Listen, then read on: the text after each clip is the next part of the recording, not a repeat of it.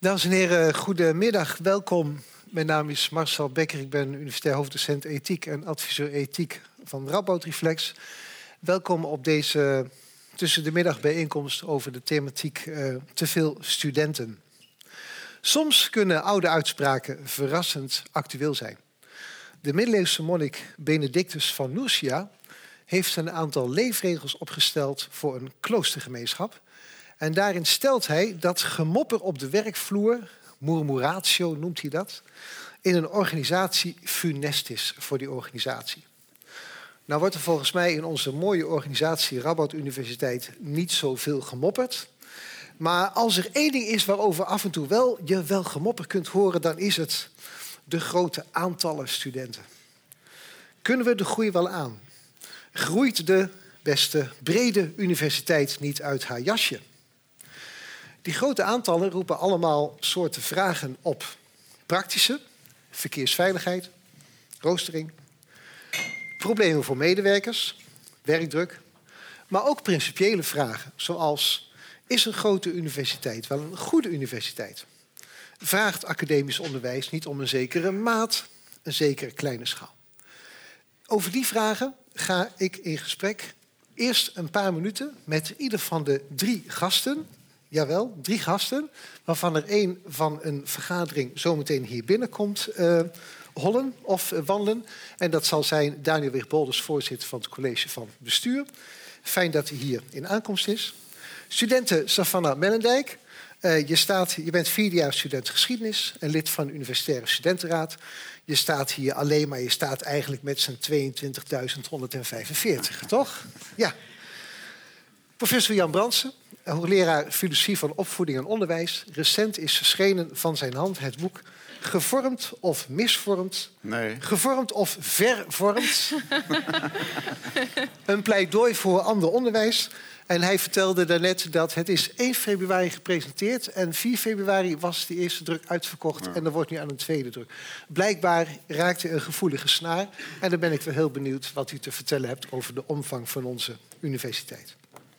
Goed, laten we beginnen met Benedictus zegt in zijn leefregel ook dat als je een probleem hebt, dat je dan moet beginnen om de jongste kloosterling als eerste het woord te geven, zodat je zeker weet dat die stem gehoord is van de jongste. Dus laten we dan even uh, aan uh, Savannah vragen. Uh, wat is jouw ervaring, wat is jouw beleving? Lopen student, welkom. Ah. Ik, u, u, bent al aangekondigd. Ik, ik, ik, hoorde het, ik stond boven te luisteren. Oké, okay, je bent aangekondigd. Ja, ja. Nou, laten we beginnen met uh, Savannah met uh, een paar uh, ja, eenvoudige vragen. Lopen studenten er tegenaan dat, wij, met, dat ze met zo heel velen zijn? Hebben studenten daar ook murmuratio over? Um, ja, ik kom zelf natuurlijk van geschiedenis. Dat is een vrij grote opleiding binnen letteren. Maar toch is, staat letteren nog wel bekend als een faculteit waar kleinschalig onderwijs hoog in het vaandel staat. Maar um, wat je zegt, het gemopper op de werkvloer. Ik uh, ken dat ook wel bij de Universitaire Studentenraad. Want wij horen natuurlijk ja, van heel veel problemen, toch wel bij de dan wat grootschalige studies. Um, en ik ken zelf natuurlijk wel de problemen omtrent de studiewerkplekken. Dat ik op uh, zondag in de rij moet staan voordat ik uh, bij de UB naar binnen wil om een plaatje te vergaren. Ik uh, ken ook het probleem dat ik soms op de um, trappen van de collegezalen moet zitten. Ik ben er zelf gelukkig nog nooit uitgestuurd, maar ik weet dat sommige studenten er wel eens uitgestuurd zijn wegens brandveiligheid. Dus um, ja, ik kom het uh, zeker wel eens tegen. Ja, en uh, gaat het dan om, om praktische problemen? Van ik moet even ongemakkelijk zitten of ik moet even wat langer zoeken naar een, naar een studieruimte? Of gaat het ook om meer grote problemen dat de kwaliteit van het onderwijs dan in het geding is? Um, ik kan wel zeggen dat ik er soms bang voor ben dat de kwaliteit van het onderwijs daarmee enigszins in het geding is. Natuurlijk, zolang je gewoon je colleges kan volgen, maakt het niet uit of je daar met uh, eh, 50 man of 200 man zit. Ik denk wel dat het goed is dat je als student natuurlijk geen nummertje bent. En dat is ook wat ik heb gehoord uh, op mijn, tijdens de voorlichting van de Radboud Universiteit. En dat is denk ik ook het mooie van onze universiteit. Dat we toch in de wat redelijk kleine stad Nijmegen, toch dat je dan geen nummertje hoeft te zijn. En soms denk, ben ik daar wel bang voor dat je dat wel bent als er heel veel studenten zijn. Ja, maar toch, of je nou met z'n twintigduizenden of met z'n zevenentwintigduizenden bent, in beide gevallen ben je toch een nummertje. Dat hele kleinschalige academisch onderwijs van misschien ooit, dat is er toch sowieso niet meer? Um, nou, ja, kijk natuurlijk. En het is ook goed dat zoveel mensen willen studeren, vind ik zelf tenminste. Het is gewoon belangrijk dat hè, in de wereld waar we nu leven van gelijke kansen, dat iedereen natuurlijk gewoon hoger onderwijs kan genieten. En um, ik denk dat je natuurlijk veel studenten kan hebben en tegelijkertijd geen nummertje kan zijn. Het ligt er natuurlijk aan hoe je je onderwijs inricht en of je er uh, op voorbereid bent dat er zoveel studenten zijn. Ja, dat gaan we zo meteen aan de bestuursvoorzitter vragen natuurlijk. Maar even nog even, je zei ook net van het is goed dat zoveel mensen onderwijs kunnen volgen. Dus als je dat dan zegt, dan vertegenwoordig je niet alleen de studenten die hier zijn op deze universiteit, maar dan vertegenwoordig je eigenlijk ook de studenten die hier misschien willen gaan studeren en waarvan je zegt, het is een goede zaak dat veel mensen aan academisch onderwijs kunnen deelnemen. Dus in die zin is het helemaal niet zo slecht dat de universiteit zo groot is. Ja, ja, het is natuurlijk een moeilijke kwestie. Omdat ik aan de ene kant zeg van kijk, ik merk natuurlijk ook dat er problemen zijn met studiewerkplekken, met overvolle collegezalen. Maar toch vind ik wel dat het duidelijk moet zijn dat ik het gewoon heel belangrijk vind dat iedereen hier wel moet kunnen studeren. En um, dat iedereen die van het VBO afkomt, of ook misschien van de HAVO of wat dan ook. Als jij de droom hebt om aan de universiteit te studeren, moet dat nodig zijn. Of moet dat kunnen. En daarom vind ik het gewoon heel. Ja, ben ik trots op de samenleving die we nu hebben. Dat uh, iedereen in principe naar de universiteit kan gaan als je dat wil. Ja, en dan af en toe maar even bijschuiven in een overvolle collegezaal en langer zoeken naar een studieweerrichtingsplek. Dat nemen we dan op de koop toe? Um, het zou natuurlijk heel fijn zijn als de universiteit ons, uh, of uh, als we elkaar um, tegen kunnen komen. Dat er natuurlijk bepaalde problemen opgelost kunnen worden. Um, ik weet bijvoorbeeld dat bij uh, de rechtenfaculteit, omdat daar de studiecollegezalen zo vol zitten, doen ze een livestream. Zodat studenten dan vanuit andere lokalen toch het college bij kunnen wonen. Ik denk dat bijvoorbeeld daardoor ICT in het onderwijs heel erg veel kansen kan bieden om toch met grote studenten grote studentenaantallen iedereen van onderwijs uh, te kunnen ja, genieten eigenlijk. Dus ik denk dat de mogelijkheden er zijn. Maar um, ja, we moeten ons er wel op voorbereiden. Nou, laten we dat dan gaan vragen aan de, de eerste verantwoordelijke in dit soort kwesties. Mag ik beginnen met een paar korte vragen? Ik ben nog maar net binnengekomen, dus even rustig een paar korte vragen en korte antwoorden beginnen. Uh, hoe lang werkt u al onafgebroken aan deze universiteit? Onafgebroken sinds uh, 2005. Ja. Hoeveel studenten had de universiteit in 2005? Weet u dat zo? Uh, ik denk dat dat ergens rond de 17.000 lag. Ja, 16.500. Ja. Ik heb het nagezocht. Goed, wat mooi dat u dat goed heeft. Nou hebben de, de, de redens van de voorzitters van het college van bestuur sinds 2005 elk jaar verteld dat wij steeds een betere universiteit worden in onderwijs en in onderzoek. Dat wil ik graag geloven, maar dan vraag ik me af, zijn we nou een betere universiteit geworden dankzij die toename van 30% of ondanks die toename van 30%? Uh, dat is een complexe vraag. En het complexe antwoord is denk ik, ik denk dat allebei het geval is. Dus uh, ja, we zijn een betere universiteit. Uh, uh, dat is steeds de ambitie en zijn we ook steeds aan het worden door de toename van het aantal studenten. Ook de toename van diversiteit in het aantal studenten. De internationale studenten die er bij ons bij zijn gekomen. Het, als je over de afgelopen decennia kijkt, vooral de groei in het aantal vrouwelijke studenten. Wat nu een groter aantal is dan het aantal mannelijke studenten. Dat was 15 jaar geleden, 20 jaar geleden echt anders. Daar zie je nog sterkere groei dan bij de mannelijke studenten. Dus die diversiteit in alle vormen, ja, daar zijn we denk ik niet slechter van geworden. Daar zijn we alleen maar beter van geworden. Tegelijkertijd is natuurlijk, maar ja, dat gaf u net ook al heel goed aan. Uh, de toename van het aantal studenten stelt natuurlijk ook die kwaliteitsdoelen die wij hebben, ja, die zet dat onder druk. Ja. Want we willen wel die hoge kwaliteit behouden of zelfs steeds als doelstelling om dat verder te verbeteren. En dat gaat ook om de kwaliteit van onderwijs. Ja, dus aan de ene kant goede zaak dat veel meer mensen ons weten te vinden, diversiteit. Aan de andere kant kwaliteit kan echt onder druk komen te staan. Dan moet je daar een middenweg in ontwikkelen als bestuurder. Maar dan heb ik gekeken naar de missie- en visiedocumenten op de website. Ik heb gekeken naar het strategisch plan.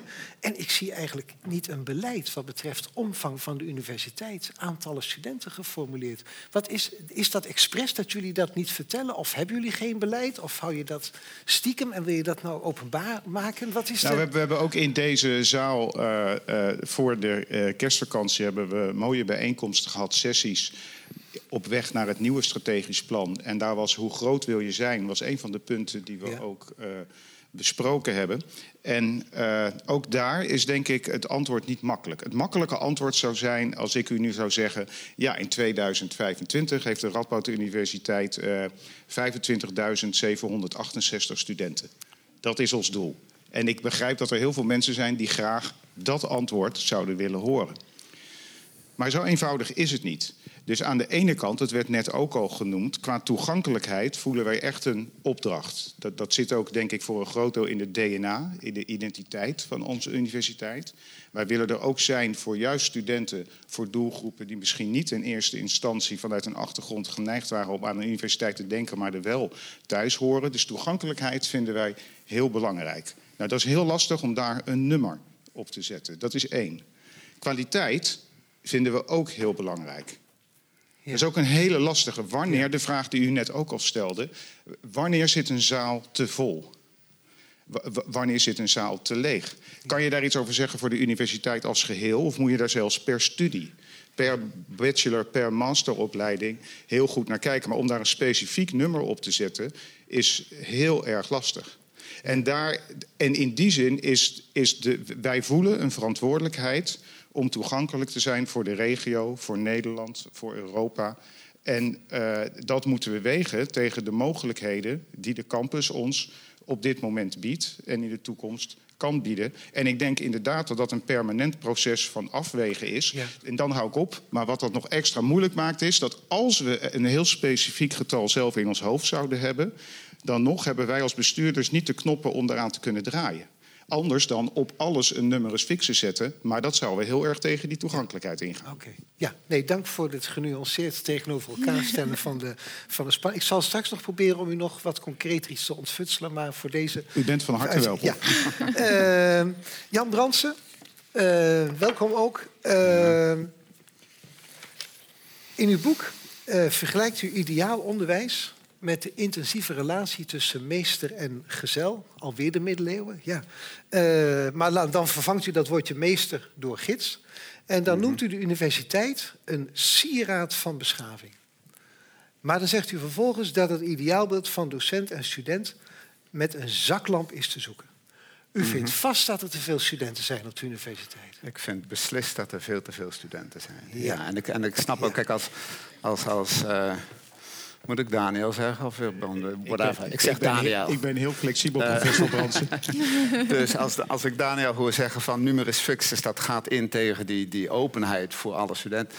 dan weet ik dat helemaal niet of dat zo is. Ik bedoel, als je die numerus fixus goed organiseert...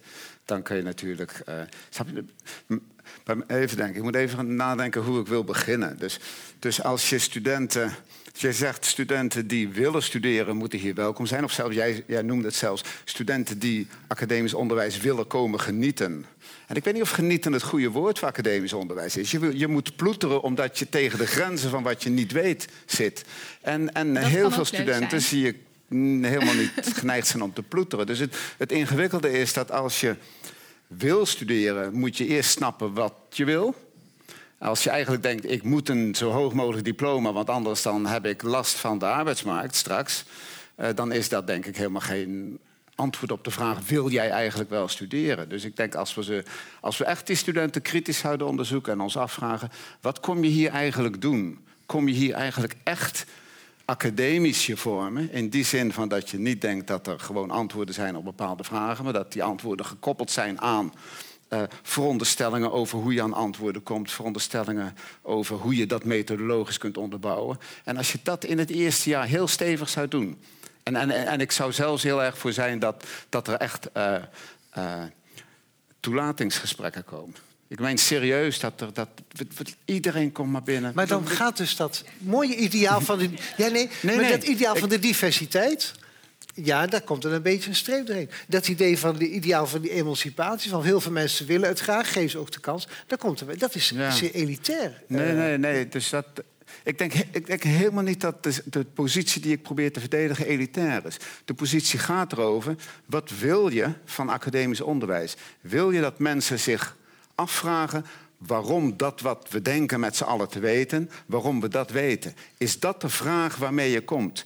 Heb je echt een, een, een vraag die gaat over wat ligt er nu methodologisch onder wat wij met z'n allen hier proberen te weten te komen. Ja. Waarom stellen we deze vragen? Waarom gebruiken we dit soort conceptualiseringen? Waarom gebruiken we deze operationaliseringen? Als, je dat, als dat niet helemaal vooraan is in wat je wil, dan moet je gewoon. Ja, dus mijn, mijn ja, gaan we- is, gaan we- gaan we de ga na de middelbare school Ja. gewoon eerst, hè, dat is die stelling die ik dan af en toe roep. Ga eerst maar eens tien jaar werken. Ga nou eerst maar eens ontdekken waarom je iets nog niet weet. Niet En- meteen het radicalisme van het boek, want dan gaat het te ver. E- Even, even nu naar de studenten toe. Ja. Is Ja. het zo dat de prachtige academische houding die hier wordt verwoord, dat ook die 22.145 studenten die academische houding hebben en of zouden moeten hebben? Hoe kijk je daar vanuit de studenten tegenaan? Ehm, ik, denk, ik denk dat het zeker.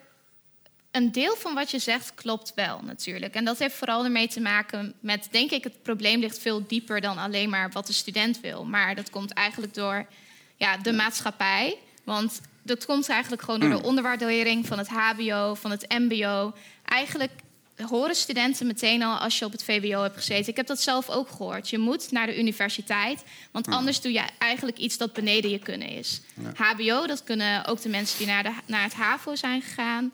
Dus je moet gewoon naar de universiteit. Ik denk dat daar iets fout zit, misschien. We moeten dat ook waarderen.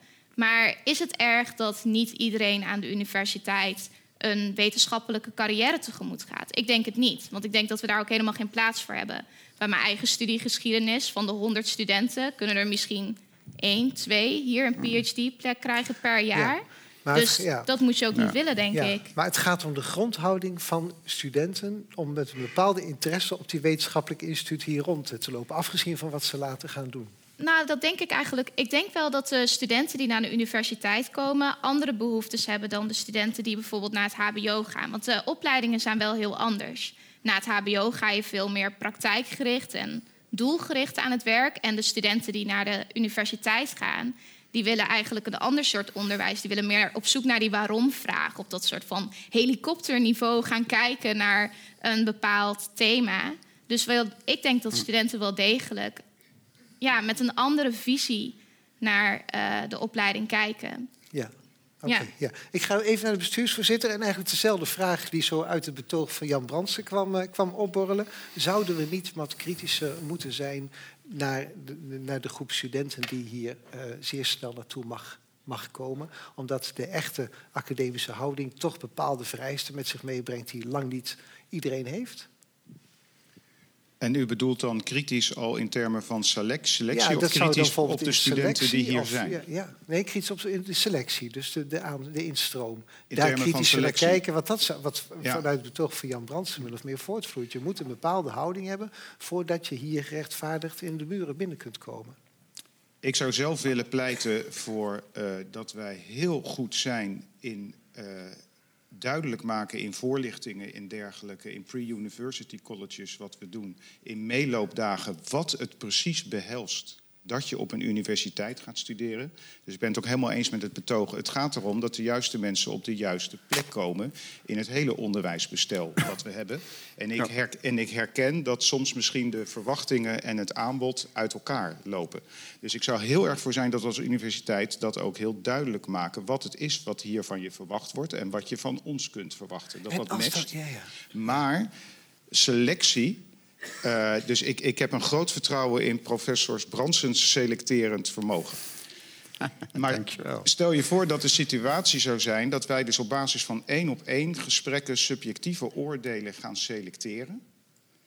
Eh, ja, ik weet zelf als psycholoog ook welke vertekeningen daar allemaal in kunnen komen. Ik zou dan liever, als mensen weten waar ze aan beginnen, laat mensen het dan gewoon proberen op het niveau waarvan zij denken dat het bij ze past. En dan is het aan ons als universiteit ook om die kwaliteit ook zo te houden dat het ook duidelijk is voor mensen in een vroegtijdig stadium van de studie.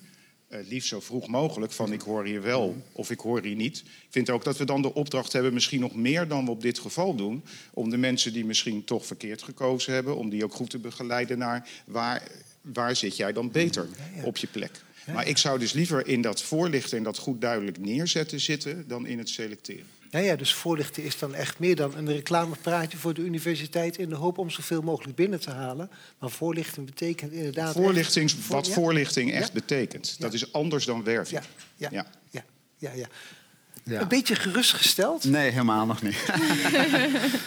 nee, kijk, ik denk dat... eh, moet ik even kijken, Savannah wel de, de, de vinger op de zere plek le- legt. Ehm, kijk, er zijn...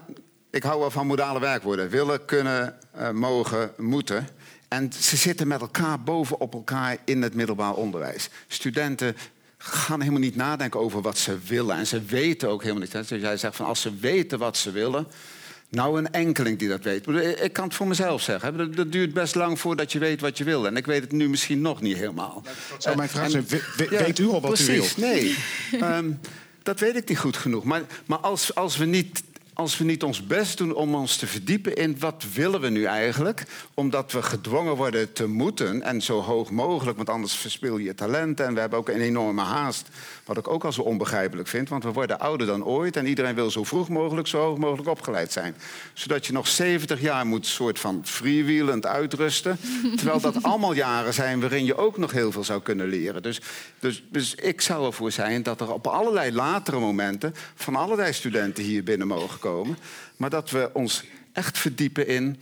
eh, wil je hier wel zijn? En, en, en, en je hebt daar wat jaren voor nodig om te onderzoeken. Dus ik, ik vind voorlichting een prachtig idee. Ik vind voorlichting en werving eh, is bijna natuurlijk één woord geworden. Ik weet niet of de afdeling die hier voor voorlichting zorgt... niet ook de afdeling is die voor werving zorgt. Eh, dus ik denk dat die strak uit elkaar getrokken moeten worden. Je kunt je ook voorstellen dat je de propenduizen als een... Hè, dat je zegt, iedereen mag komen. Of je nou van de HAVO komt of dat je ooit vroeger de moedermavo gedaan hebt... kom in de propenduizen en we gaan daar echt selecteren. Maar dan ook echt selecteren. Het lastige natuurlijk is dat als je, er zijn zoveel studenten... want als ik jou hoor over... eh, in een grote collegezaal en dan is er nog een zaal daarnaast met een camera, zodat iedereen onderwijs kan genieten. Dan denk ik, dat heeft helemaal niks met onderwijs te maken. Want dat kan je gewoon tegenwoordig op, op internet. Je kan overal al die colleges volgen. Veel betere dan wij hier geven, vermoed ik, op allerlei plekken zelfs. Ehm, dus die, dus die, die, die omvang. Goed, te- Laat mij af en dank voor je inbreng. Ja, nee, nou, nou, nou, misschien dan, dan nog even één dingetje er- er- eruit halen. Gewoon even om te, te kijken of ik nog eh, iets concreters kan ontfutselen. Eh, Nijmegen is de zevende universiteit in grootte ongeveer. Eh, eh, er zijn in Nederland zijn er eh, 300.000 eh, studenten aan de universiteit. En in het strategisch plan, het enige cijfer wat ik heb kunnen vinden, stond dat we ongeveer 10% van de instroom willen hebben als Nijmegen. Dus eigenlijk voldoen we daar niet aan. Want als er 300.000 studenten in Nederland zijn en we willen 10% hebben, zouden we eigenlijk 30.000 moeten hebben. En we hebben slechts 22.000. Dus we zouden toch eigenlijk wel als universiteit een forse groeiambitie moeten hebben. Of het is helemaal geen raar idee als we dan toch die groeiambitie formuleren. En hoe ligt dat wat betreft de capaciteitsproblemen? Lopen we niet tegen de grenzen aan van de Heindaalsweg pardon, en van de collegezalen... als we inderdaad echt een verdere groei gaan, eh, gaan bewerkstelligen? Ja, de, eh, in het huidige strategisch plan wordt inderdaad melding gemaakt van een streefgetal in termen van percentage. En dat lees ik ook zo als eh, waar we het eerder over hadden. Dat is ook het aandeel waarvoor je verantwoordelijkheid eigenlijk neemt in het stelsel van universiteiten van wat we hebben. Dat is ook anders dan een absoluut aantal. Waarvan je zegt, ja, wij dragen gewoon ook vanuit deze regio en in Nederland en in Europa ons steentje bij. En eh, dan kan je twisten over hoe hoog dat percentage eh, precies is. Maar dat is ook de taak die, die wij hebben, de opdracht die wij hebben als universiteit. Dus eh, dat is mijn reactie daarop. Dan is de tweede vraag, past het of niet? Ja. Ik denk dat eh, de voorbeelden die hoorde ik net ook bij het intro van mevrouw Mellendijk over de, eh, de drukte die er hier en daar is. Daar zitten wij als college van bestuur natuurlijk ook mede op de hoogte gehouden door de studentenraad bovenop. Dat proberen we ook te managen. Voor een deel blijkt ook bijvoorbeeld de universiteitsbibliotheek als voorbeeld een hele populaire plek te zijn. Daar wil iedereen wel eh, zijn, terwijl er dan op andere plaatsen van de campus wel plek is. Dat zijn dingen waar wij ook druk mee bezig zijn om dat te gaan regelen. En dat pleit voor een pleidooi, en dat is soms wel lastig, van geleidelijkheid. Dus ik denk dat eh, zowel groei als daling kan je als organisatie best opvangen, mits het maar geleidelijk gaat. Want dan kan je namelijk je organisatie er weer op inrichten. En dat wordt ons niet altijd makkelijk gemaakt. Eén, omdat de financiering van studenten dus altijd twee jaar erachteraan hobbelt. Dus op het moment dat je de grote groep opeens ergens krijgt, heb je nog niet het geld ervoor. Als je een geleidelijke ontwikkeling ziet in stijging van aantallen, ja, dan moet je gaan bepalen, en dat is best lastig, maar hoe groot wil je worden? Wat kunnen wij aan? En in termen van toegankelijkheid, als wij iets niet aankunnen, willen we daar dan onze capaciteit op gaan aanpassen? En dat heeft ook weer te maken met uh, uh, grotere onderwerpen als van is het een studierichting waarvan je zegt hier willen we juist op inzetten met z'n allen. En dan bedoel ik echt met z'n allen of niet. Dus artificiële intelligentie bijvoorbeeld. Er was nog niet eens zo heel gek lang geleden was het aantal studenten wat begon aan artificiële intelligentie was uh, onder de 20. Uh, nu hebben we er numerus fixus uh, op zitten. En zitten we op, even uit mijn hoofd, numerus fixus zit rond de 150 of 100, 170 uh, of zoiets. Omdat we meer niet aankunnen voor de kwaliteit die we willen leveren. We zouden daar, daar ben ik van overtuigd, nog veel meer studenten in die richting eh, kunnen opleiden als we zouden willen. En misschien is dat ook wel wat we nodig hebben naar de toekomst. Dus daar moeten we over nadenken. Maar dat vergt dan wel geleidelijkheid om dat te laten groeien. Ja. Nou, dank voor dit. Er is dus wel degelijk beleid, als ik het zo. Uh, dus daar zo... is beleid, ja, ja, maar dat is dus per studie. Kijk je heel goed. Ja, ja. We zijn uh, gekomen aan uh, kwart over. We hadden gedacht in de voorbereiding van dit college... het gaat misschien wel heel veel over die rotonde op de Heijendaalseweg... Over, over zalen die te vol zijn, een UB. Maar, maar we hebben het drie kwartier gehad over wat is academisch onderwijs... waar is het goed voor en wat willen we nou eigenlijk met deze universiteit. Dank jullie alle drie voor de bijdrage aan de discussie. En dank voor uw belangstelling. En gezien de vragen die zijn opgeroepen en die nog niet zijn beantwoord... komen we hier vast nog een keer op terug. Dank u wel allemaal. Thank you. Thank you, Al.